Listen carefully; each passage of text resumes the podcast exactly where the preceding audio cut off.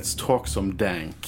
Hei og hjertelig velkommen til Jedi-rådet, en Star Wars-podkast fra Studentradioen i Bergen. Mitt navn er Håkon Øren, og jeg sitter sammen med Håvarus. Og Kristian Høgen Aspen. Uh, Så dank. Let's talk some dank. Uh, det er visst et Star Wars-begrep. Vi sier det i episoden. Da må jo det bety Talking dank. liksom shit. Betyr det at dank Farrick betyr liksom holy shit, eller noe sånt, kanskje? Ja, jeg tror ikke det. Dank Dang Farrick. Det, det, er veldig logisk eh, ting å, å gjette seg fram til. Eh, Jeg gleder meg til det blir et eget språk der vi kan faktisk slå opp i en ordbok og se hva alt dette her Ja, det vil jeg ha. Ja. Vi har jo hørt TIS. Jeg vet jo ikke hvor lingvistisk utviklet det er. Men det er jo noen ord jeg kjenner igjen. Eh, uansett, vi skal snakke mer om Bobafett, altså denne gangen The Book of Bobafett, chapter 3, The Streets of Moss Espa. Eh, og hva syns dere, gutter? Så langt så er det vel den svakeste episoden, syns jeg, men jeg syns ikke han var dårlig. Jeg tror det er bare det at det har jo på en måte vært litt sånn cheesy og humor til tider, men her tok de det kanskje litt for mye. Litt for mye? At de burde tone det litt ned. Men uh, det som skjedde, har jeg ikke noe problem med, egentlig. Det er bare det at eh, enkelte ting var litt sånn litt over the top. Det er jo en Rodriguez regissert episode, og han har jo litt sånn på godt og vondt en spesifikk stil som på en måte Du, du ser det ganske tidlig. Ja, men hva synes du, da? Uh, jeg er litt sånn, altså I likhet med første episode, så Ja. syns jeg episode to var dødsbra. Dette her følte jeg var litt Det gikk litt nedover. Ja. Han var litt kort, men det, Han bygger vel opp til noe stort. De trengte vel denne episoden til et eller annet. Det tror jeg absolutt de gjorde. Ja, så, jeg, jeg vet ikke om det er jeg som tar crazy pills. Men det er mye av det, det som skjer i denne episoden, jeg ikke liker. Det Er det mye inn- du ikke liker? Nei, det er en del Ja, okay. jeg vil ta tak i. Men, um... Sånn Space Vesper? men, uh, men eh, det jeg elsker, det som jeg nevnte i forrige episode, er alle de detaljene så du på en måte du kan Easter eggs som dukker opp. Det, er- det, er- det er Plenty av de i denne. plenty av de, og det er gullkorn for min del. Eh, så jeg, er, som sagt, jeg tror jeg tar crazy pills. For jeg elsket første episoden, og så så jeg episode to. Og den elsker alle. Jeg synes han, Jo, den var god, men den var litt sånn tropy. eh, Litt med, kanskje, syns jeg. Fortsatt veldig god, men jeg var ikke helt der oppe som alle andre var. Og så etter jeg så denne episoden, så tenkte jeg shit, dette er min favoritt. Dette? Ja, og så begynte jeg å snakke med folk, og bare sånn Nei, den der var så cheesy. Den der, det var helt fryktelig. Jeg syns den var helt konge, jeg. Jeg syns den var kjempegøy. Jeg følte han var litt med. Uh, ja, men det er jo det, vet du men det er jo derfor dette ble awesome, da. Fordi at vi ikke bare sitter og har en stor sånn der eh, hyllest til Book of Bobafett. Litt forskjellige meninger gjør at det blir litt mer interessant diskusjon, så jeg er bare hypet. Ja, ja. Eh, men generelt generelt er vi egentlig ganske happy med hvor serien går. Det vi får servert. Det tross alle episoder kan jo ikke være det beste. Ja, altså Det jeg føler de bygger opp mot nå, noe som jeg tror at nå har de kommet til det punktet, og de neste episodene vi får, kommer til å gi eh, De kommer til å være veldig eh, engasjerende, tror jeg. Ja, for det har jo vært som på en måte setup-episoder veldig mye med de her flashbacksene. Ja. jeg Vi har hooken, på en måte. Den, den ikoniske hooken vi har snakket har, om. nå har de gitt sin siste hook. Ja. Nå, nå er det virkelig introdusert eh, Pikes og alt, og nå tror jeg virkelig det kommer noe stort i neste Så vi skjønner hva serien prøver å formidle, Ja. på en måte. Uh, så noe jeg òg liker veldig godt med egentlig de har gjort det i alle episodene, er at det begynner på en måte ganske forutsigbart, og så tenker du liksom Å ja, jeg vet hvor dette skal gå, og så snur de litt på det, så er det liksom Å ja, nå skjedde det noe annet som jeg ikke trodde kom til å skje. jeg må bare, så det er én ting som på en måte jeg er liksom redd for uh, sjøl, og egentlig for på en måte massene sin sånn uh, reaksjon på serier. Spesielt av Star Wars og MCU. uh, det er på en måte det å lage seg sjøl et bilde av hva som man kan forvente, hva som kommer til å skje. Alle drev og maste om, om Crimson Dawn. Uh, Det er jeg- fortsatt, tror jeg fortsatt det er en mulighet. Det er en mulighet. Jeg, tror, jeg tviler veldig lite på det. Og jeg tror at Pikes på en måte er det Det er det vi får, og så kommer det til å være en større Big Bad bak. Jeg tror ikke nødvendigvis at det er Crimson Dawn, litt fordi at det er egentlig ingenting som tilsier at det bør være Crimson Dawn. I canon, i nye tegneserierun til Crimson Dawn, så starter tegneserien bare sånn Dette er en tragisk fortelling. Dette er hvordan Crimson Dawn falt sammen. Jeg- den er fortsatt ongoing. Jeg tror ikke at de kommer til å liksom for, fortelle på en måte en historie mens den holder på å bli fortalt i tegneserie. Hvor er den tegneserien satt i tegneserien? Den er satt uh, mellom episode fem og seks. Så den, den er ganske close up i sånn æraen. Så jeg, jeg bare Jeg vet, jeg vet ikke. Jeg skal, jeg skal svelge ordene mine hvis Kira dukker opp. Jeg skal absolutt gjøre det. Men jeg har aldri, jeg har aldri sittet og tenkt at Crimson Dawn kommer til å dekke jeg, jeg vil heller anta at de ikke gjør det, basert på canon. Men hvem kan ikke si at uh, hun som spilte Kira, kan spille Kira? Hvem kan spille Kira? Jo, hun kan det. Hun er, Kan hun jo, hun er jo kjent fra Game of Thrones. Det er jo der hun spiller. Hun er jo i høybudsjettstil. Emilie Clark, Emilie Clark, nå kommer det til meg. Ja, jeg tror ikke du hun hadde kommet tilbake igjen for å spille Kira i en Star Wars-serie. Det tror jeg hun hadde gjort. Hvis hun hadde dukket Er ikke hun litt eldre på dette tidspunktet, da? Jo, ja, men hun er jo betraktelig eldre. Hun var jo, Sist gang vi så henne, var jo i Solo. Det Når var det? Tolo er, Solo er Tolo. Solo er jo ti år før A New Hope, så dette her er jo i hvert fall sju Det nesten nærmer seg 20 år senere. Og dette er Ja, Ah, OK, da. Ja, ja, alt, alt, alt er mulig. vet, Shan er eldre enn Bobafett. så det, det sier litt, sant. Det er de, de som bruker hjelmer, det, det gjør Bobafett òg, så det var ikke et godt argument. Uansett. Ja, sorry. Jeg har store nyheter til dere. Har du? Ja, ja, ja. Eh, angående sosiale medier. Eh, for det, Spotify har jo fått ratingsystem som er utrolig Det gøy. er så gøy, for når vi snakket om det i forrige episode, så hadde vi hva, sånn syv. Så sendte vi meldinger til hverandre, og nå er vi snart oppe i 50. Ja, vi er Det er så gøy. Sist gang jeg sjekket, hadde vi 45. Det er dritgøy. Og tusen takk til dere som eh, gir oss stjerner. Vi har fem av fem stjerner der. Kjempegøy. Elsker dere. Elsker det. Eh, Men Håvard, eh, føler du det er noe jeg har manglet i mine sosiale medier-pitch? Det er jo Instagram, Facebook og Twitter som eh, du glemte, da. Ja. Altså, Jeg er litt redd for at vi kommer til å få fullt av lyttere med høygafler og, og fakler på døren hvis ikke du driver og poster noen progress-bilder av denne Nei, nei, Millennium nei, ja, Har ikke kan- du begynt på den ennå? Kan jeg få komme med en forklaring på hvorfor? Er det en god forklaring? Det er en veldig god forklaring. Ja. For Hvis du sier at du har hatt dårlig tid nå, så kaster jeg vann i fjeset ditt. Nei, da hadde jeg ikke sagt noe. Det, det er en dårlig unnskyldning. Eh, tingen er at eh, vi må nå flytte ut av leiligheten for at de skal pusse opp badet. Så jeg har ikke hatt eh, veldig lyst til å begynne på et prosjekt i og med at vi ble vekke en måned nå. Jeg lurer litt på om denne Lego-settet er ekte i det hele tatt. Og det er ekte. Var det det er det absolutt. eh? Men, men jeg kan gjøre en unboxing-video, og så kan jeg begynne igjen når vi flytter tilbake igjen 1. mars. Ikke, eh, men det er ganske lenge til, jeg vet det, men jeg har ikke lyst til å Tenk nei, om nei, Nei. det, nei. det, det er nå ikke, ikke nødvendigvis oss du skuffer, men ja, ja. Vi skal hoppe inn i The Book of Bobafett, chapter 3, The Streets of Moss Espa.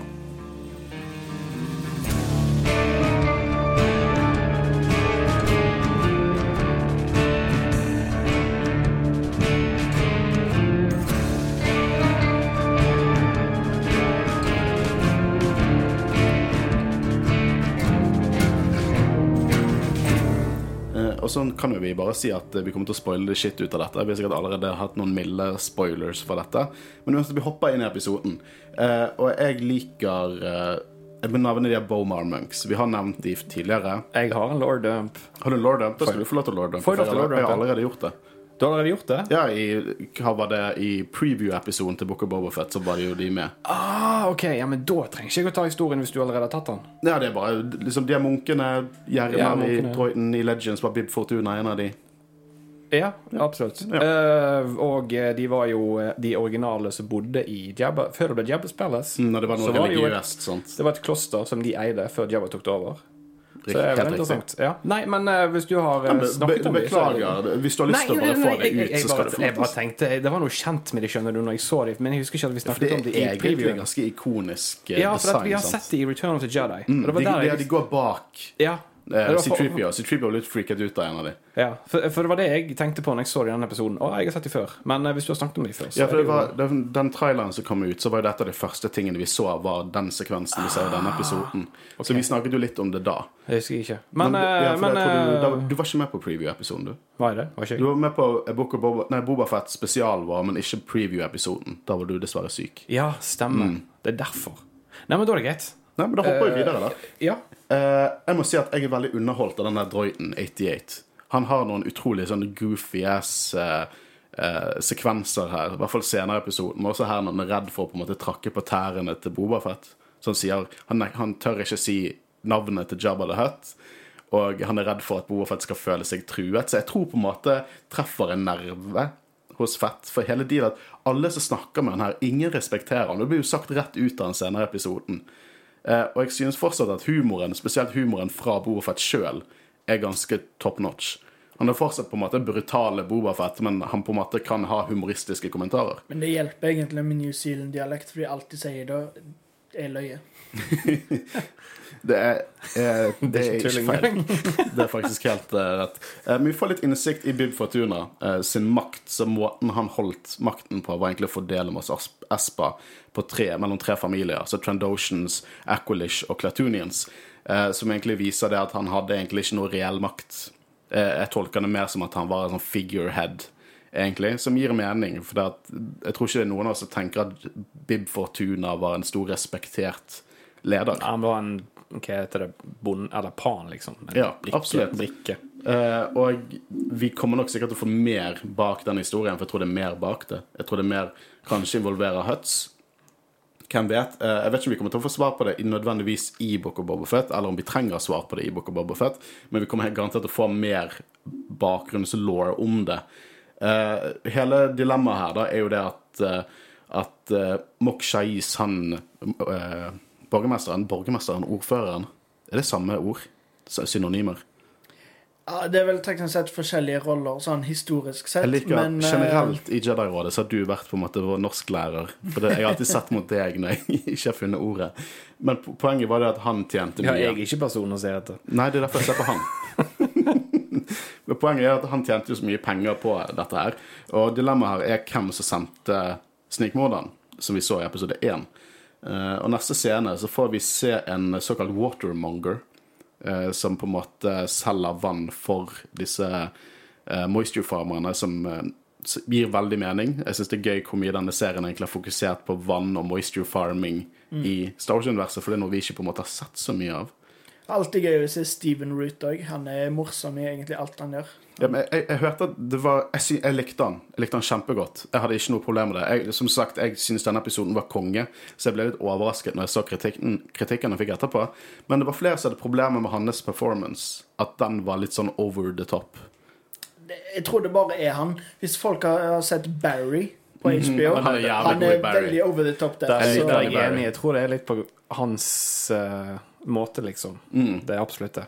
Ja, jeg synes Jeg hadde som sagt ikke så mye problem med det, men jeg liker skuespilleren veldig godt. da. Eh, problemet der er at han eh, han er passiv-aggressiv, sånn som alle er mot Boafett. Han sier det i, rikt- i god tone, men alt han sier, er liksom sånn Han kommer inn og sier 'Du, ingen respekterer deg'. Ingen bryr seg om Og hvem du er Og jeg er. fornærma på dine vegne. Så poenget er jo det at han har fått vannet sitt stjålet av noen uh, goddamn youth, youths. Eh, cyborg uh, youths uh, som bruker droidedeler til å enhance kroppen sin. Uh, og han kommer til å doble sin tribute til Boba Fett om han håndterer dette. Og tenker Boba Fett tenker litt sånn Shit, endelig sånn administrativ crime lord-jobb. Nå skal jeg liksom gå der og få respekt. Eh, og vi får se Mos Espa at night. Og jeg eh, blir mer og mer overrasket hver gang jeg ser Mos Espa, for den Tatooine har aldri sett så levende ut som de gjør i denne serien. Og jeg liker hvordan det er litt sånn Det, ser nesten, det er litt shaky cam når de filmer på en måte over byen, nesten som at man skulle trodd at det var et ekte sted som de har filmet med en helikopter, som gjør at jeg bare tror enda mer på det. For det meste er jo sikkert CGI, og kanskje litt miniatyrarbeid. Det er sikkert CGI. Uh, Syns i hvert fall det er veldig stilig. Og det første jeg tenkte når jeg så liksom Boba Fett, Gamorian Guards, Fennik Shan gå gjennom eh, Mos Espa at night, var ikke sånn wow, stilig. Det var Er det en Vespa? For det Denne episoden Vet du hva, denne episoden generelt føles veldig George Lucas, syns jeg. Jeg syns det føles som noe George Lucas kunne på en måte eh, kommet opp med. På, på, veldig, på, måte, på en veldig god måte. Eh, Altså- så den derre gjengen Altså, jeg føler jo når du ser for eksempel eh, hva, hva skal du kalle det for motorsyklene, eller sånne bikes Vespa-scooters. Vespa-scooters. Takk, det var det. Space-Vespa. Spice Vespa. Uh, jeg får jo litt ut av den stilen og de fargerike den fargerike stilen. Jeg får litt sånn American Graffiti-feeling. Ja, ja, ja. Veldig Det- American Graffiti. Og det er derfor jeg også tenker det samme som deg, at det er på en måte en, kanskje en Josh Lucas Det må ha eh, vært en, noe av inspirasjon. Ja. Uh, og jeg, syn, jeg kjøper veldig gjerne at det er en gjeng med liksom unge voksne som har på en måte drevet med, med kroppsmodifikasjoner og tatt på droidedeler og driver med sånn her eh, motorsykkelgjeng. Men det jeg ikke kjøper Jeg kjøper ikke at det er på Tatooine. Nei, det var akkurat det jeg skulle si òg, for det òg føltes litt off meg. At på en måte en biker-gang sånn som det er der på Tatooine. Det føltes litt sånn de feil er ut. de reneste jævla på hele den planeten. Og så begynner de å snakke om liksom, The Watermonger Vi har ikke råd til å liksom eh, til å betale watermongeren. Han tar for mye Men dere har råd til alt dette andre. Dere er de reneste motherfuckerne på hele den planeten. Ja, det Og er faktisk uh, de, har liksom, de der uh, vespaene ser jo shiny ut. Hvis dette hadde vært De- på Coruscant, liksom Upper City Coruscant, så hadde det vært sånn Make sense. Men du skal ikke utelukke at de har stjålet de, da. det er jo garantert Det er de må ha gjort. det. gjort. Må ha gjort. Ja, ja. Jeg Men- tror egentlig ikke helt på det at de ikke hadde råd. Jeg tror nok mer det at de bare tenkte liksom Ja, De så fine ut. Vi tar de. vi er bad guys. Vi stjeler, Ja, stjeler vann. Men jeg syns fremdeles at når det ble introdusert, de liksom At det, det, det føltes litt rart ut. Men eh, jeg vet ikke hva dere Men hva, syns. jo, jeg syns det føltes det tok litt tid før jeg på en måte Men jeg aksepterte det etter hvert, selvfølgelig. Jeg aksepterte aksepterte det relativt fort, men jeg er veldig enig om at det kan jeg ikke det, Jeg syns det passer inn i Star Wars. Sånn, hvis jeg hadde sett, jeg Men, det i Clone Wars, så hadde det vært sånn gøy. Men jeg kjøper ikke det på Tatooine. nei, det er der jeg òg sliter. Men at det fins i Star Wars-universet, helt klart. Og jeg har ikke problemer med at Bobafett bare sånn liker spiriten deres. Der han sier eh, dere kan stå her og talk dank, eller dere kan jobbe for meg. Og det kjøper jeg. Jeg synes det er kjempekult. Jeg tror at Vi, kommer, eh, vi får allerede en kul, noen kule sekvenser med de cyborg-ungdommene. Eh, men de minnet litt mer om sånn cyberpunk det- vanlig. det- Det har veldig cyberpunk-feel, hele greien. Og spesielt senere i episoden så er det liksom en ren 90-talls action, altså tekno-sang. Mm. Uh, og da tenkte jeg òg veldig mye på sånn Det er en film fra 90-tallet som heter Hackers. Som bare er Jeg har ikke sett den sjøl, men det skal være en fryktelig dårlig film. Det er veldig sånn tidlig i internettet sin historie og alt de kunne gjøre. Og eh, det, det er ikke cyberpunk, men jeg fikk litt samme følelse at det er sånn oh, edgy 90-talls Ja. Men Sånn de tror internett og framtiden kommer til å bære, på en måte. Ja, jeg, jeg skal ikke være uenig i på en måte det. Jeg, jeg, jeg, jeg skjønner kritikken, og jeg er til dels enig med kritikken at det passer ikke helt inn i den settingen vi har akkurat her. Nei, men det, det som jeg syns er kult, det er at, at han nå på en måte begynner å rekruttere. Ja. Eh, Istedenfor at det er bare han, Fennek Shan og to grisemenn Yes. som går gjennom gatene, og så skal han på en måte er- respektere meg. Vi er en posse på fire stykker, liksom. For det er jo noe vi diskuterte i første episode òg, at han trenger mer folk.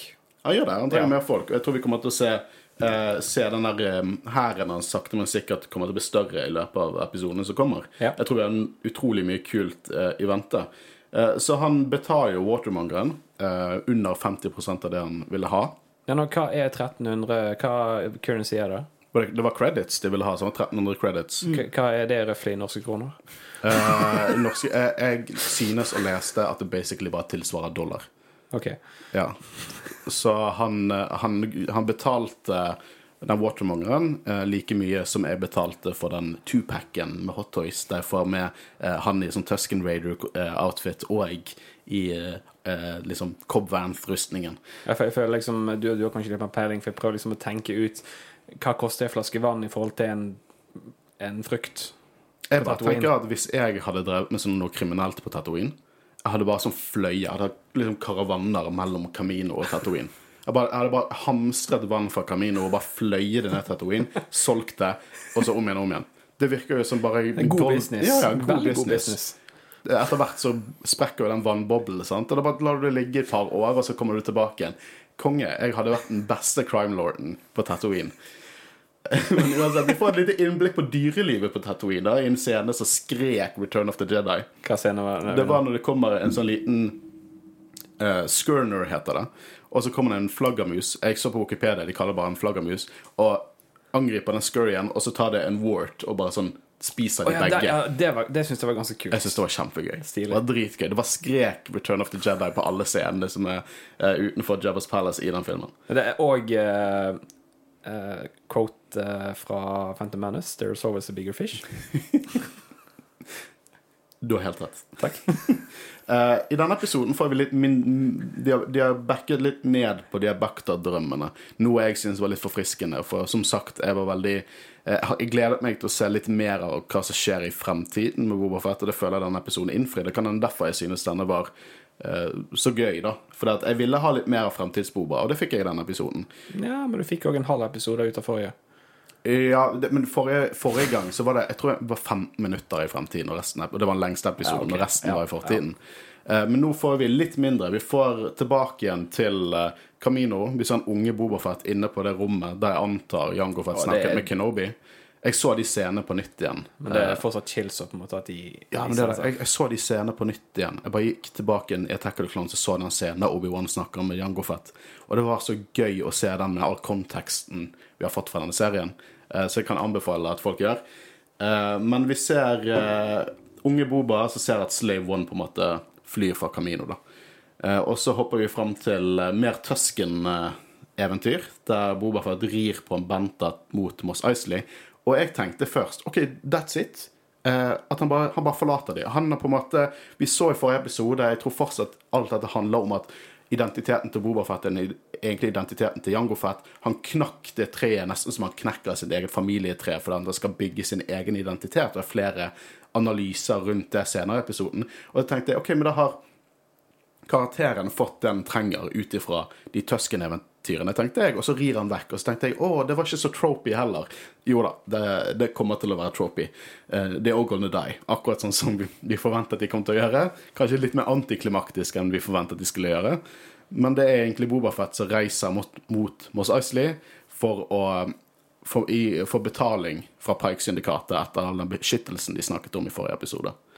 Eh, og det er noen utrolig gøye easter eggs. Vi får se Stormtrooper på Pikes, så vi ser Mandalorian. Se Jeg vet det. Det er stilig. Det er Med de der uh, oh, ja, Kan jeg, jeg så en i bakgrunnen og Ja, tenkte en er, det en, er det noen vi vet hvem er? mm, Ja da. For vi uh, eh, Vi så jo òg de der eh, droidene hennes. Ja, ja, Pitroidsene. Pitroidsene. Mm. Pitroidsene. Det var Ja, ganske for det, når jeg først så det, så så jeg det var en person, og så var det Pitroids. tenkte jeg sånn, shit, det hadde vært gøy hvis det var Pelly Motto. Sånn, er det hun? Og så gikk jeg tilbake igjen for å se, bare sånn, ja, hvis faen er det hun.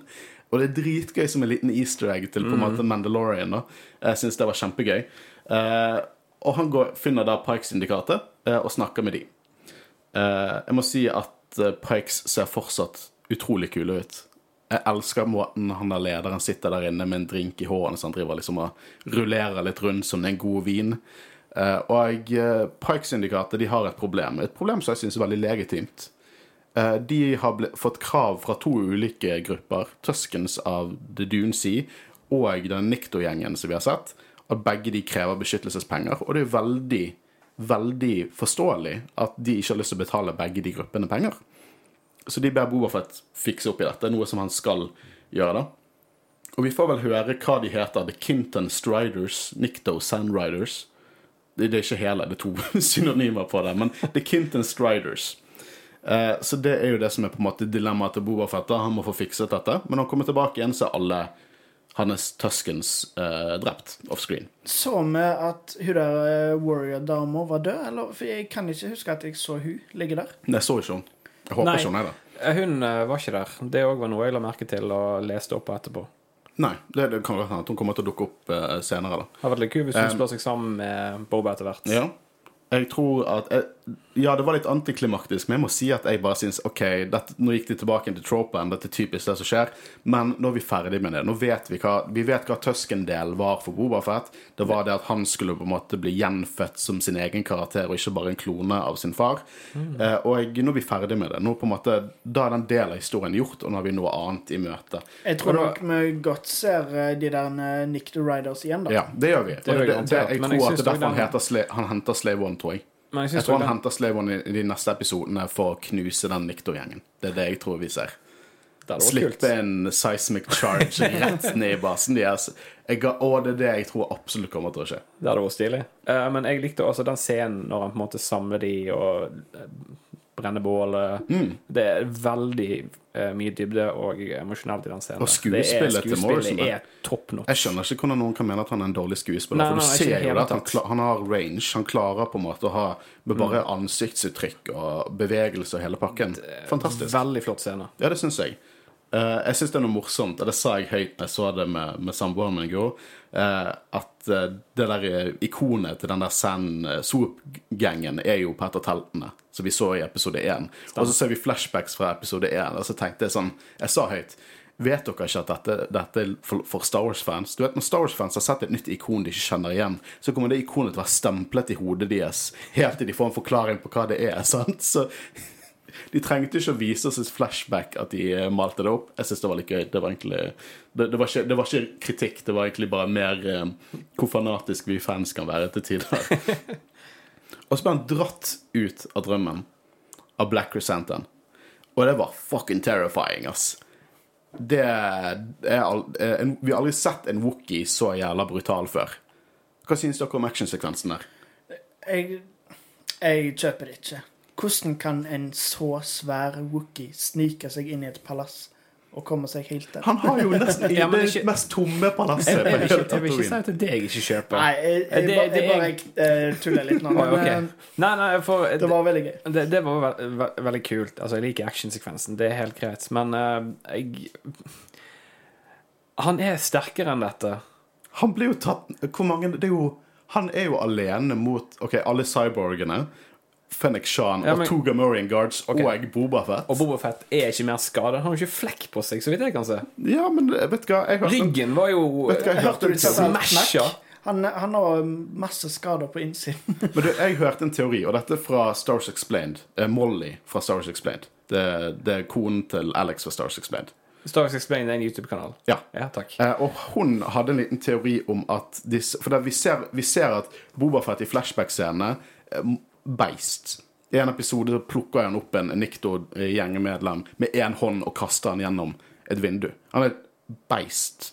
Og hun hadde en teori om at kanskje alt dette At han virker betraktelig svakere i fremtiden, er mer psykologisk aspekt bak han. At alle de her drømmene han sier drømmene kom tilbake. Han helt klart tenker på den reisen han har hatt, og at det er mer et, eh, et psykologisk eh, flashback. Og du ser det at i begynnelsen, når han ble banket opp av eh, onde Chewie, Black Crescenton, så driver han og på en måte Han går etter Mando-rustningen sin og på en måte skal bruke den, og så ender han opp med, back, med Gafi-stikken. Ja, det det, og det tror jeg er på en måte det å finne styrken sin. For han har ikke bygget denne rustningen. Det er ikke en identitet han har bygget, han har fått den. Men den identiteten med Gafi-stikken som han har bygget sjøl, og det er der han fant styrken sin.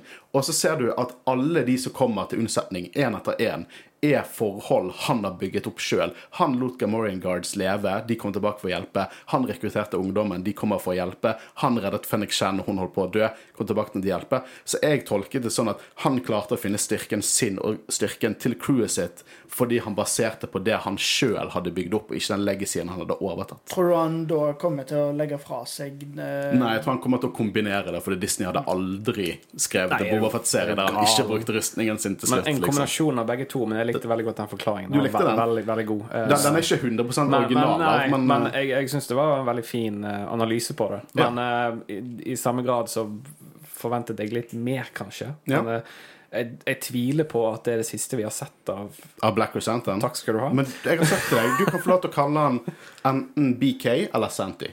BK, BK. BK, det høres bra ut. Ja, BK. Du skal få lov til å kalle han BK. Eh, jeg liker også det når de bare kaster den ned i, i Rancor-pitten, og så bare står han der nede og ikke har så mye å gjøre, egentlig. Uh, og det første Boba Fett gjør, tar på seg morgenkåpe, og så ber han en av de Gamorian Guardsene uh, bli ført opp til Bakta-tanken. For en av de blir jo nesten spist opp. Han, han, ja. han går ned i god morgenkåpen istedenfor. Uten, uten å ta med seg staven.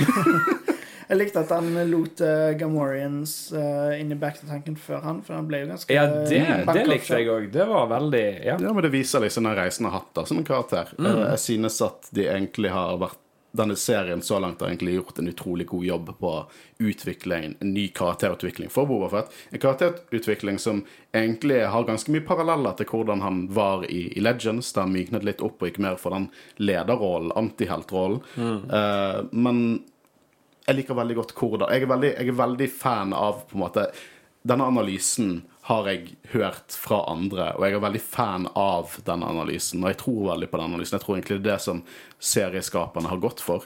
Eh, Så jeg tror det var litt det de formidlet der, samtidig som jeg synes det var utrolig kult å se Black Chrysanthemum bare gå amok. Eh, Jeg synes han er passende terrifying. Jeg synes kostymet er helt fantastisk. Eh, Så jeg synes det var veldig gøy. Mm. Og nå er jo det å finne ut hva er dealen med at Santy bare dukket opp der. Så det er en stor middagsscene. Og den liker jeg. For der, eh, på det middagsbordet la jeg merke til noe spesielt. Og det var en uh, froskelignende skapning som vi kjenner godt til er Nuna. Jeg vet ikke om dere husker den fra Phantom Menace, som vi ser tydelig på Tatooine. Yes. Det er ganske stilig. Og jeg, vi så jo den mid eh, Det var i en av de Mandalor første Mandalorian-episodene i Clone Wars. Ja, vi, Da var vi det hørt- Fried Nuna. Jeg tror det, det er Ja, Fried ja, ja, Nuna vi, vi har sett de og hørt de i flere mm. Clone Wars-episoder. Ja, Er det jeg den uh, frosken som Jar Binks spiser? Eller er det en større padde, liksom? Jeg skal innrømme at min canon-kunnskap om matbitene til Jar Binks ikke helt uh, rekker Nei, til jeg her. husker ikke hva Jar tok i munnen. Helt, eller jeg kan google det for å se bildet. Men jeg husker ikke helt hva han Eh, nei, jeg, jeg vet ikke om det er så Altså, riktig. jeg burde jo virkelig kunne det, i og med at jeg som Du har er jo Georgia Jar Stan Jeg har liksom hatt eh, Ja, jeg har liksom argumentert for fant to episoder av Jar Jar Jar En fantastisk T-skjorte. så jeg bør kjøpe meg. Ja. Og det er en jar, og så er det flytende Jar Jar inni, så dette er Jar Jar Jar. Eller Jar Jar Jar. Oh my god. Ja. Den burde du få tak i. Eh, Dette er første måltid jeg har sett i Star Wars som faktisk ser godt ut. Det ser ut som ja, det, det, ser helt nydelig ut. Og det er en sånn super mafiascene. For det er liksom Boba Fett som sitter der med sin liksom høyre hånd, som bare koser seg med maten, og vi får bekreftelse på at det faktisk uttales Crusanten, fordi hun sier navnet hans. Og han sitter der og nesten litt irritert over all mengden mat han har, og er mer oppotert, eh, okkupert, eller opptatt av at han må sende en melding. Hva er det neste steget? Veldig mafia. Veldig gudfaren, følte jeg, den sekvensen. Ja, den, den følelsen fikk jeg òg i denne filmen her. Mm. Det, Veldig stilig, egentlig. Uh, og så får vi noen av mine favorittsekvenser, fordi at uh, tvillingene er her med en gave. Og det, jeg syns det er jævlig vittig. De unnskylder for at de sendte Black Santan. Det er litt som at jeg skal fornærme deg nå, og så sier jeg nå Husker du når jeg fornærmet deg? Det var ikke meningen. Men Og- jeg, jeg, jeg er- hang faktisk mer opp i eh, Rancor-keeperen, for det syns jeg var kult. Det der føler jeg er perfect casting. Danny Treyo passer så perfekt til å være en sitere en god kompis av meg. Uh, hvis du noen gang hørt, uh, tenkte liksom Hvem Hvilken skuespiller ser ut som han trener Rancors? Danny fucking Trejo. det, det er ikke tull engang. Og det, eh, eh, Robert eh, Rodriguez har jo et eh, veldig langt forhold med han. De har jo Mm. jobbet sammen på mange filmprosjekter. Eh, for å nevne det den signerte forrige innspilling. Machete. Og Ja, nei, machete. Jeg skulle til å si From Dust to Dawn, den som du på en måte var helt ødelagt. Var ikke den? Hvilken? Oh, jo, jo, jo. Ja, ja, ja. Mm. Men jeg kjenner han helt ærlig jeg, mest for små spioner. I er spioner så spiller han Uncle Machete, som er canon til Machete-filmene. Nei, det var ikke jeg klar over. Det er canon til Machete-filmene, som er super R-rated. Men- mens, eh, Men eh, altså, tilbake til at eh, det der syns jeg faktisk er veldig god casting. Han passer Mm. så perfekt til den typen rolle. Fantastisk. Og at den rancoren er faen meg praktisk. Holy shit, det er den beste rancoren vi har sett på skjerm. Den ser jo helt konge ut. Poenget er at det er en gave for tvillingene. Jeg må si igjen det at tvillingene hver eneste scene de er med i, jeg er så fanget på skjermen hver gang de snakker, den buldrende høtt-lyden. Jeg syns det er fantastisk. Men dette er helt, helt klart en felle. Ja, Ikke faen, dette er en gave. ja, jeg var veldig usikker på, på Danny og, og rancoren. Litt usikker på det. Men de at tvillingene sier at de drar tilbake til Nalhøtta. Apropos Nalhøtta. Uh, tidligere i episoden fikk vi høre at Pikesene sa Obedia. Og det var likte jeg å høre Obedia, som er Pike-planeten. Jeg lik, liker å høre det bli sagt i live action. Sånt hyper meg. Men eh, de skal dra fordi det er blitt løyet til at Tatooine har blitt lovet av Mok Shais til Pike-syndikatet. Eh, og jeg, eh, det er her litt det at man, man, man må prøve å på en måte holde forventningene sine litt i sjakk, og ikke bare anta at, at på en måte Crimson Dawn dukker opp. Spesielt når på en måte mye canon tyder på at det ikke gjør det. Men igjen, jeg skal svelge de ordene hvis det skjer. Men jeg tror at dere gjør dere sjøl en stor tjeneste ved å bare ikke Nå snakker jeg til lytterne våre. Hvor vi bare ikke ant, anta og håpe for mye at Crimson Don dukker opp. For det er fortsatt veldig usikkert om de gjør det eller ikke gjør det. Det er på en måte det lite som på en måte tilsier at det er faktisk de som dukker opp. Men igjen, jeg skal svelge ordene mine. Det Altså, har ikke du har jeg gjort før. Eh, annonsert, eller annonsert, sagt at eh, Harrison Ford skal ha en cameo på slutten her? Det er rykte, men det hadde vært jævlig gøy. Ja. Det er, jo, det det er jo leaks og rumors all over the place. Men eh, det hadde vært kult. Bare håper han ser litt bedre ut enn Luke gjorde i, i The Mandalorian sesong 2. ja, det tror jeg. Ja, nå nå så jeg, jeg har sett gjennom Mandalorian sesong 2 nå på nytt igjen. De har jo rettet på det litt. Ja, jeg er litt usikker. For så, nå så jeg det i 4K for første gang, og det, ser, det ser litt wonky ut, ass. Men jeg, jeg, jeg, elsker Mandalorian, jeg elsker avslutningen med Luke der, men med en gang han fjerner hatten, så ser det litt wonky ut. Jeg må, jeg må, må si det. Eh, så jeg på en måte squinter øynene mine litt når det skjer, og later som det ser bedre ut enn det gjør.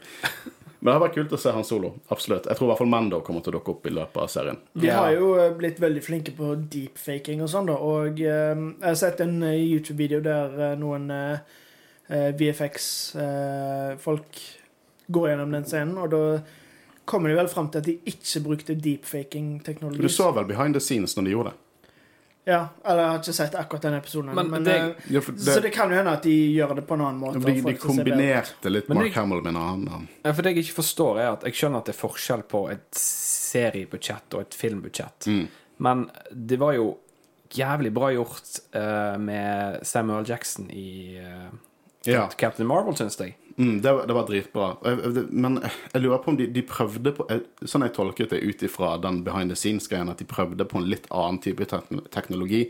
Litt for å ha litt mer legacyen til Mark Hamill, at han på en måte var mer direkte involvert der. For Ja, problemet er jo at I eh, Mark Captain Marvel så ser du at det er Simon L. Jackson. Det, du ser at han er gammel, bare de har gjort fjeset glatt. Problemet er at er vi kunne, ikke, vi kunne ikke hatt Luke til å spille Luke, rett og slett fordi han, han er en 60 år gammel mann, han ser ut som en 60 år gammel mann. Sant? Han, ser ikke ut som, han ser ikke ut som Tom Cruise, liksom. Han på en måte han, han, Mark Hamill er en kjekk mann, det, det, men han ser ut som en alderen sin. Han er litt mer chubby, litt sånn, så Ja.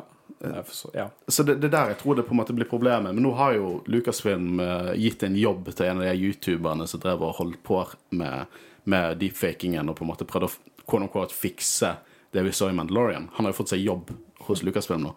Uh, så jeg tror at neste gang vi ser noe lignende konsept, så kommer det til å se betraktelig bedre ut.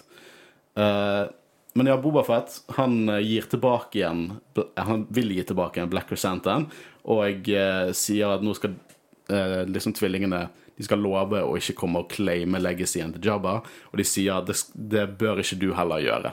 Tatooine er en verdiløs stein. De virker nesten litt redd. Jeg tror ikke det er siste vi ser av dem. Jeg stoler ikke på dem i det hele tatt. Uh, men det er utrolig underholdende når de er med i, i serien. Uh, og de sier han, de kan, han kan beholde tid, selge han tilbake en som en gladiator, men Bobafett lar han gå. Og sier det er bare business, eh, ikke jobb for Skugholes. Ta det fra en tidligere dusørjeger. Som er litt sånn Hvis jeg hadde vært Black så hadde jeg blitt litt fornærmet. For han sa dude, vi kjenner hverandre. Jeg vet hvem du er, liksom. Vi har jobbet sammen. Så jeg har sett på Boafett som en som bare Det er sånn som YouTuber som plutselig får kjempemye subscribers og liksom mister litt beina på bakken. For det, ja, Boba Fett er liksom beste dusørjegeren, og han glemt liksom stakkars lille Santy, som han tok noen jobber med for et par år siden. Men de, liksom, Boba Fett vet jo at han er en gladiator, så det viser jo bare til at de har Han vet, visste hvem Black Resent han var tidligere. Så jeg tror at de har opprettholdt Cannon, absolutt. Det tror jeg. Uh, og jeg lo litt når Santi bare løpte ut i ørkenen. han bare løper sånn offscreen inn i ørkenen. Jeg tror ikke det er siste gang vi ser han. Nei, men som en friend eller foe to, til Boba Fett. Jeg tror vi ser han som friend. Ja, det er Tvilsom det jeg òg eh, fikk følelsen litt av. Jeg vil ha eh, akkurat det vi hadde i tegneserien. Jeg vil ha en, en mørkere parallell til han Solo og Ja. Ikke at jeg fikk det ut av scenen, men jeg bare tenkte hm, kanskje han Siden han lar han gå, på en måte, at det Ja, jeg tror det. Vi kommer til blir å en team-up der. Ja, jeg tror vi kommer til å Vet du hva, Det er en ting jeg savnet i alle disse episodene av Book of Bobafett. Vi har fått masse actionsekvenser, masse kule Bobafett-actionsekvenser. Vi har fått ingen spesielt nevnverdige actionsekvenser der han går i sitt fulle rustning med hjelmen på rustningen. Og jeg tror at, jeg tror at de gjør det med vilje. Jeg tror at ja, jeg tror at vi kommer til å få noen utrolige badass actionsekvenser når Boba Fett er fullt kittet opp med T-vis og hjelmen og eh, kanskje riene på en jævla rancor. Jeg, jeg, jeg, men jeg tror at av design så venter de med det for å gi oss noe spektakulært lert, uh, på slutten av serien. Uh, det- og jeg gleder meg til neste onsdag. Som som, Ser ikke, du for, ser ikke du for deg han ri uh, i eh, Mos Espa rundt på den rancoren? Det, er som en, det er som en sånn high level mount i, i WoW. det blir kjempekult. Eh, og her kommer min favorittsekvens i hele denne serieepisoden. Og det er den ranker-scenen når de på en måte tar rankeren inn i, i, i på en måte basen, eller palasset til Boba. Og hvordan de klarer å få Timora Morrison, liksom stor Maori-kriger i Bobafett-rustning, til å på en måte snakke litt sånn kosestemme til en Sånn ranker. Sånn som du gjør til hunden. Ja, sånn som du, Håvard, gjør. Som alle gjør. Og jeg fortsatt kjøper det. At Boafat er der, og who's a good boy? Konge. Og så så jeg bare noe kritikk. eh, For jeg, for jeg er på et sånt forum der de snakker om hottoys. Jeg ville bare se nye hottoysene som har bestilt. Men der følte de at Boafett var for snill. Og nei, han er for snill og driver og, og klapper på den rankeren. Jesus Christ! Det er jo som jeg skal gå ut liksom til en, til en tre meter lang krokodille og gi en, liksom, en, en neck scratch, og så er jeg en pingle. Det er en jævla space T-rex! Men ja, jeg fikk, jeg fikk noe annet ut av den scenen, og det er jo at uh, når uh, ranker-keeperen Danny Chiro forteller at uh, Trejo, Trejo sorry, ja, uh, forteller at uh, disse her skapningene er, lojale mot sine mestere og har følelser og på en måte skaper en forbindelse med den første de ser. Eh, og det på en måte føler jeg skaper Uh, litt mer til den scenen i Return of the Jedi når Rancoren dør, og hans uh, mester eller keeper på en måte eh, blir veldig følelsesmessig eh, trist. Altså, Det er jo veldig tydelig et bånd mellom de. Ja, og det, det gir meg mening til den scenen, føler jeg. Ja, det, og det, dette er ikke disnifisering av rankers. Dette er bare mer kontekst basert på tidligere canon vi har fått i eh, Return of Jedi, der ranker-keeperen blir kjempelei seg. Ja, og jeg, jeg digget det. Vet du hva jeg digget? Nei. Å høre Danny Trejo, som en in-universe rancor-keeper, snakke om eh, liksom The Night Sisters of Dathomir, Ja, det er som jo- på rancors på Dathomir. Og rancors kommer på Dathomir, og det er bare understreking av deep canon. Elsker det. Men så vidt jeg vet og husker, i Fallen Order, det er fortsatt en Night Sister i live. Uh, det er Ja da. uh, Marin, er det hun heter? Ja. Og det er på en måte flere Det har blitt understreket, for er hun, hun vi så i, i Asoka-serien Nei, Asoka-episoden i Mandalorian sesong 2. Hun er fra en Jeg tror hun er fra en annen klan av Night Sisters. Eller Night Sisters, nei, jeg tror Night Sisters er en egen klan, og det er forskjellige typer klaner der folk er litt sånn lignende. Ja, okay. folk, eh, Man kan godt tenke seg at det ikke alle er døde der. Og vi ser jo det i Jedi Fallen Order, som du sier. Ja. Jeg tror at vi kommer til å få live action Night Sisters på et tidspunkt. Ja, Bare tøft. full blown live action Night Sisters. Og Men- jeg vil ha det. Men en ting jeg vil avslutte med i forhold til den scenen, da, er at jeg, jeg, det er litt på kanten skummelt. Jeg, jeg kjøper ikke at eh, de to er gaver.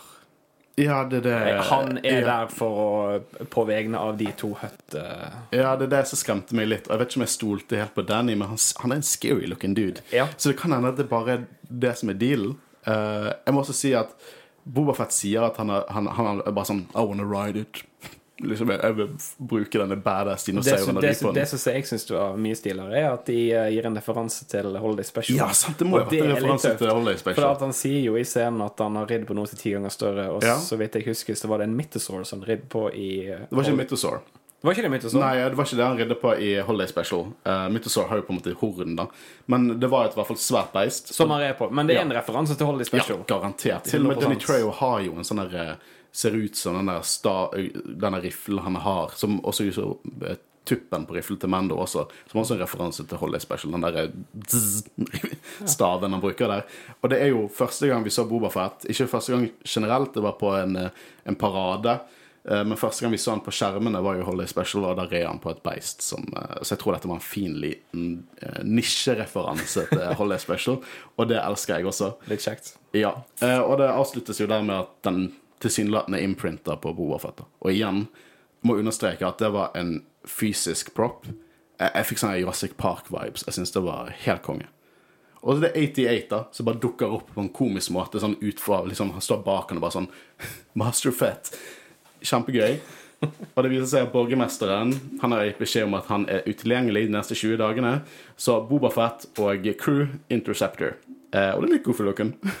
Det er liksom litt sånn mørke Bobafett, Fennik Shan og så liksom sånn fargekoordinerte cyberpunk kids som går i bakgrunnen. Um, og det ender jo med en liten speeder chase. Og den har vært kontroversiell. Og jeg syns den var veldig gøy. Det, jeg, Han var, han var, han var litt tam.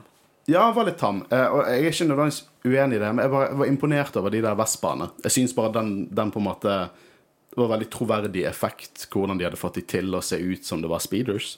Jeg liker òg utrolig godt at de bare hadde, hadde det gøy i den scenen, for det er så mange tropes. Altså, det er så mange uh, car chase-klisjeer. Så liksom uh, Fruktvogner, noen som går med sånn bilde som de kjører gjennom. Og, Og det var et Ralph McQuarrie-bilde. Så et bilde Ralph McQuarrie har laget av Jabba Stemmer, det var de to jeg syns jeg så.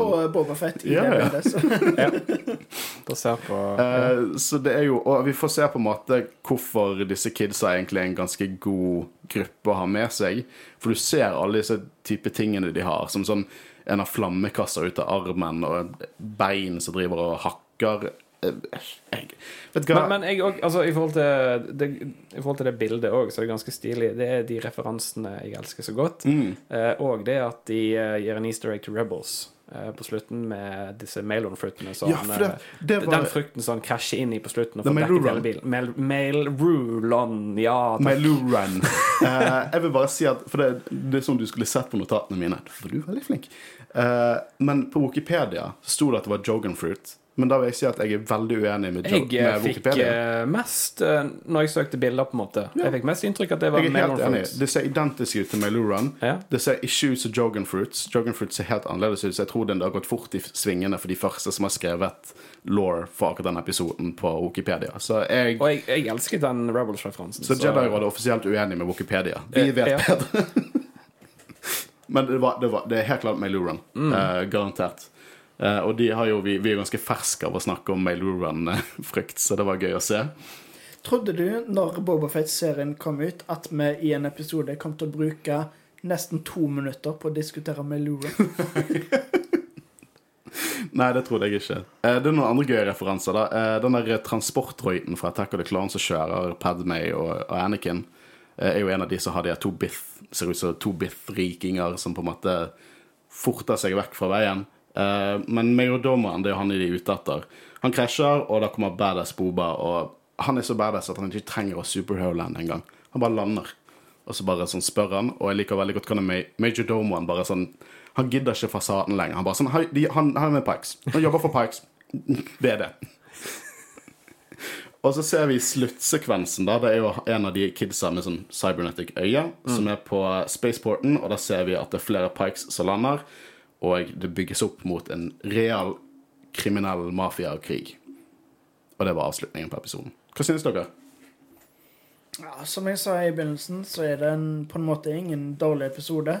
Et par steder der jeg føler tonen ikke helt matcher det vi har sett tidligere. At jeg tar det litt Skrur det litt for mye, rett og slett. Men allikevel så går det greit. Og det er en del sånne troper som jeg likte veldig godt. Og eh, Så selv om det var cheesy, så var det liksom gøy cheese som regel.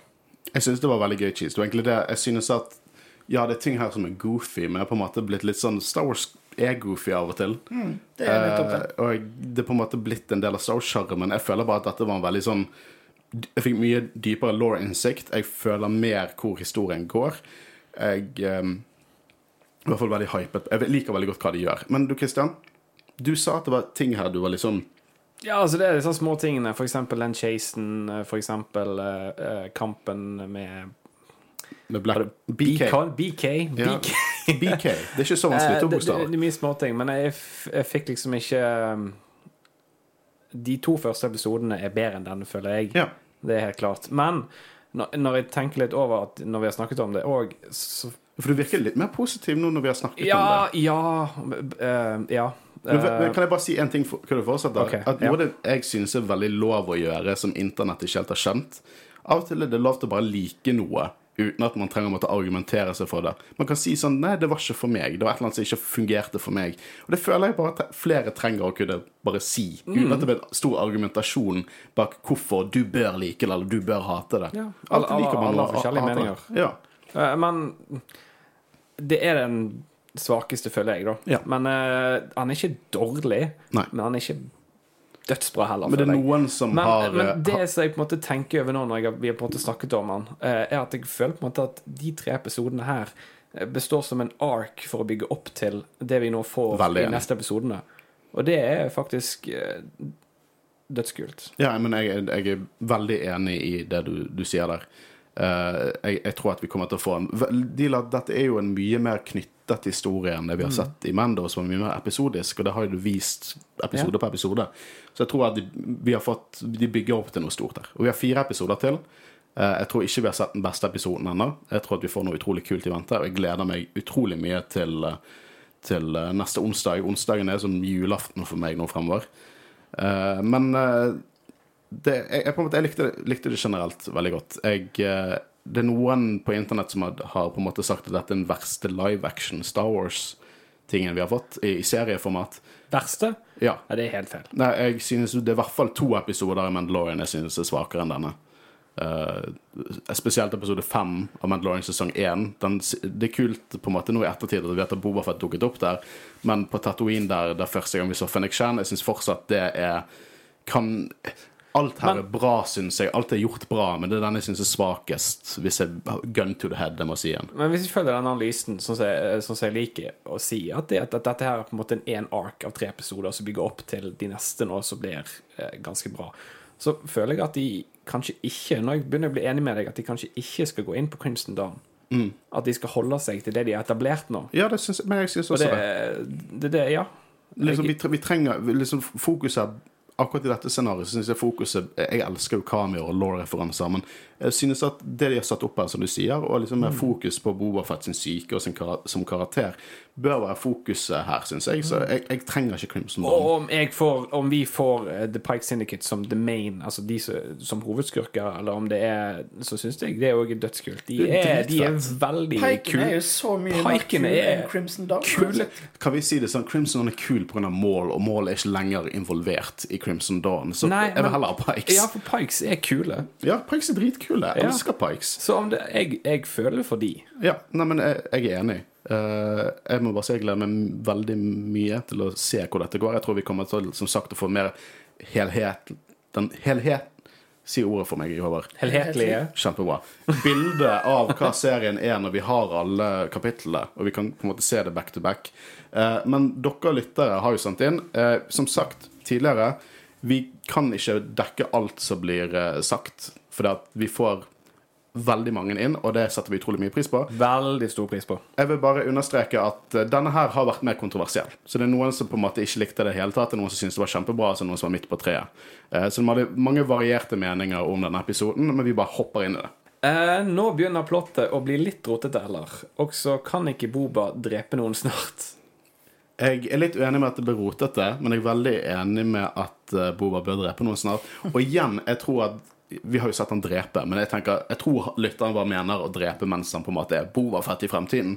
Men igjen, jeg tror de kommer til å bygge opp til det. Jeg tror det er det de faktisk bygger opp til. Nå skal han i krig. Han har på en måte gått rundt og på en måte opprettholdt eh, imaget sitt. Jeg tror at gamle Boba Fett har hatt lyst til å ha eh, bare drepe flere stykker han har snakket med i denne serien.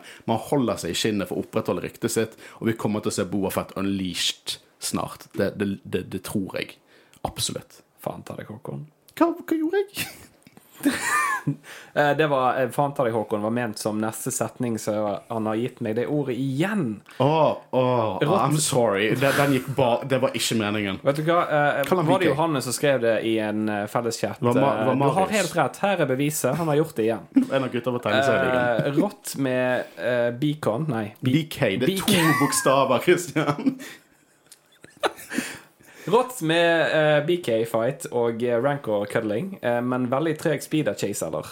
Den var litt treg. Den var litt treig. Men altså, det er så tett der, og det er sand. De kan ikke akkurat kjøre dritfort heller. Nei, men jeg, jeg, som sagt, jeg reagerte ikke på det første gang jeg så det, men når jeg gikk tilbake igjen, så var det sånn, det er litt tregt. Jeg er jo enig, men altså, jeg føler at de kunne ikke gått så mye mer fort. Nei, det, jeg, Men jeg skjønner hvorfor de iallfall ikke har uh, fartsgrenser i uh, De, de kunne jo det. gjort noe med filmingen, så det føltes litt fortere ut. Helt ærlig talt, mye av det jeg ikke likte med denne episoden, så Filmingen. føler jeg egentlig er liksom filmingen og litt Robert Rodriguez sin direction.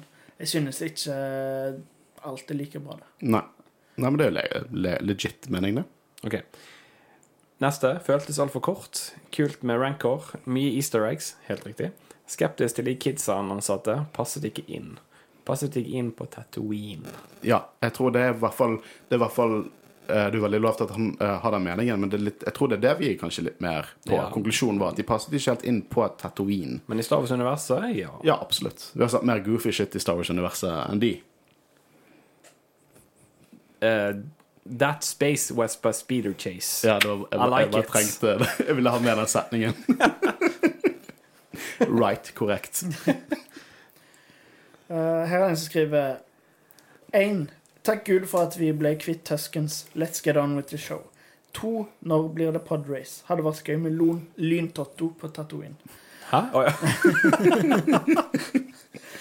Altså, jeg, jeg, jeg håper vi ikke er helt ferdig med Tuskens, for jeg liker den delen av historien veldig godt. Men jeg er òg enig i at det var forfriskende å få mer i på en måte nåtids- Problemet var det, det var så tropy at det på en måte Det hang litt Ja, litt bittersøtt. Men vi er ikke helt ferdig med Tuskens. Nei, Uansett ikke om vi helt. på en måte ikke ser en, en tribe lenger, så garanterer jeg Eller skal jeg spise skoene mine på at vi ser eh, hun eh, Jeg håper det. For Hun hun var, hun måte- var ja. absolutt den karakteren jeg var mest underholdt av ja. uh, gjennom hele den storylinen med Tuskens. Kort, men veldig innholdsrik. Rancor er ikonisk Star Wars, så det var kult å få litt mer law i live action. Det jo, likte jeg veldig godt, at vi på en måte får mer Hadde ikke trengt mer law om Rancors. Det var ikke noe jeg bare trengte, men at Danny Trejo bare kommer og gir oss det. Jeg synes det var Veldig veldig gøy å liksom vite at eh, ja, ja, altså, de ser skumle ut, men egentlig så liker de kos. Det er bare store doggos. Store doggos. Veldig bra. Likte å se Black Crescenton i live action. Og får vi Boba på Rancor i løpet av sesongen? Oh yes. Oh, Ja, ja visst faen får vi. Boba på Når de, Rancor. når de hinter til det, så må det jo skje. Hvis ikke, så hadde det vært Det er jeg er veldig lei meg for, at jeg har jo ikke plass til en sånn Hot Toys Rancor. Jeg er altfor stor. Da må du få en med, så du kan ta Bobafett oppå. Jeg vil ha et Lego-sett av det. Jeg vil ha en Lego Rancor, så jeg kan ta en Lego Bobafett Boba Fett oppå. Det er det jeg vil ha. Jeg for en i hvert fall lover at jeg kommer med byggeoppdateringer når jeg har fått et Lego-sett. Eh, Ja. kan jenten være Arten Lynn? Hadde vært dritkult. Solid episoden. Hvem? Arten Lynn. eh, en master of Terraskasi.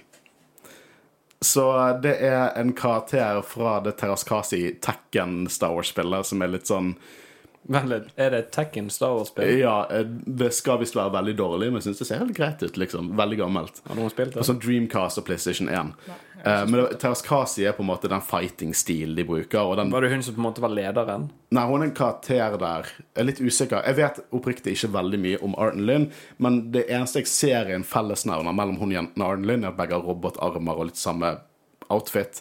Arden Lynn var jo på en måte Det var heavy ass resurrected Jedi Force shit, så jeg tror ikke det. Kan du ha fått name-drop neste episode?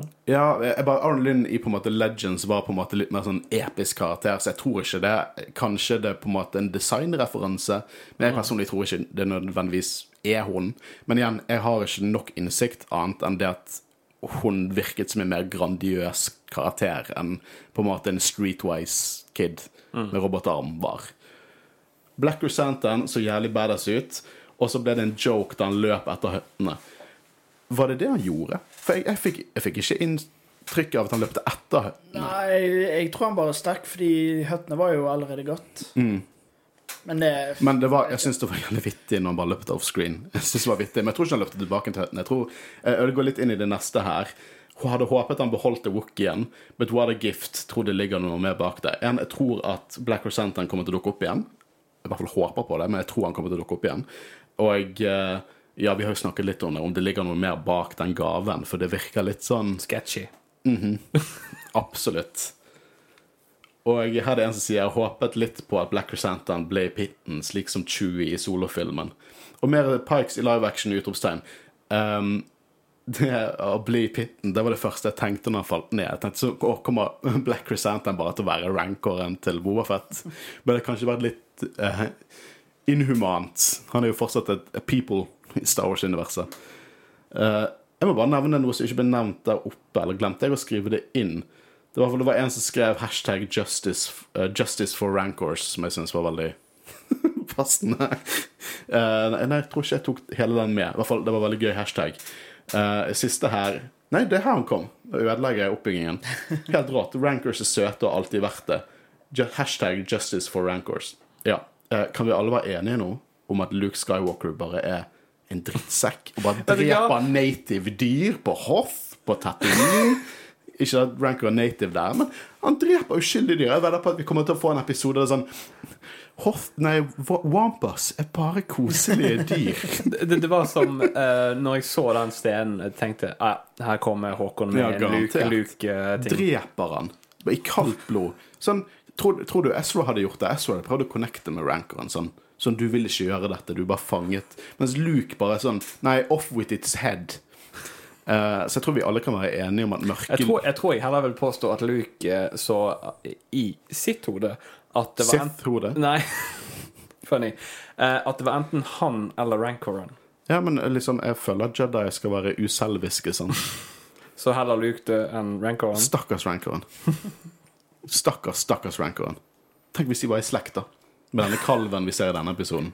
Uh, men ja, det var det vi fikk fra lytterne. Eh, alltid utrolig gøy når dere sender inn. Eh, så vi kommer til å fortsette med å spørre dere om tankene deres eh, etter hver episode.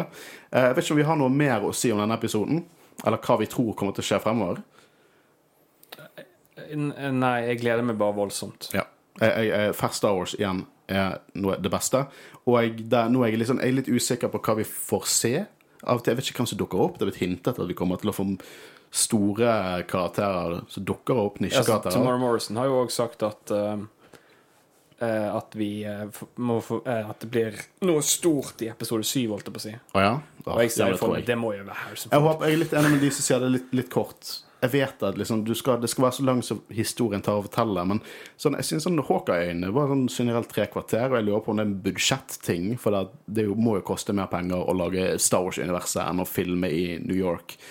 Men jeg eh, det, det er alltid veldig gøy når jeg ser at de varer i sånn 50 minutter. For det, disse som varer i 38 minutter, tror jeg, de varer ikke egentlig mer enn litt mer enn en halv time, for det er så mye rulletekst. Så det er sånn eh, Jeg håper neste episode blir litt lengre. Det, Ja, det vet du hva, det ser jeg for meg. Ja. At de neste episodene varer alt fra 40 til 50 minutter. mm, jeg håper det. Men jeg gleder meg veldig til, til, til å se mer. Så jeg gleder jeg meg til å spille inn med dere. Det er alltid en fryd. Uh, vi er i hvert fall Jedi-rådet. Mitt navn er Håkon Øren. Jeg har sittet sammen med, Boris. Og Christian Høyen Aspen. og vi snakker dank neste uke. Ha det bra. Ha det bra.